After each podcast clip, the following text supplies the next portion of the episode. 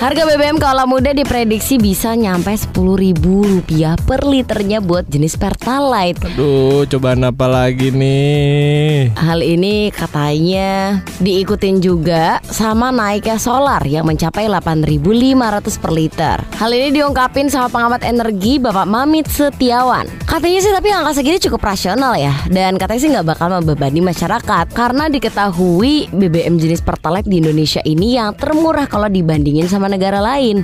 Di negara lain tuh bisa mencapai 17.000 loh per liternya. Dengan kata lain, selisihnya aja sampai 9.450-an untuk per liter sementara ini. Nah, tuh buat kaula muda jangan mengeluh dulu karena pemerintah tuh udah ngebantu kita loh. Sebenarnya itu nggak mahal-mahal amat. Pertalite itu udah versi light dari Pertamax ya kan. Kita tuh harusnya merasa terbantu. Eh, forum jual mobil gue bisa jual mobil di mana ya? Capek deh sekarang.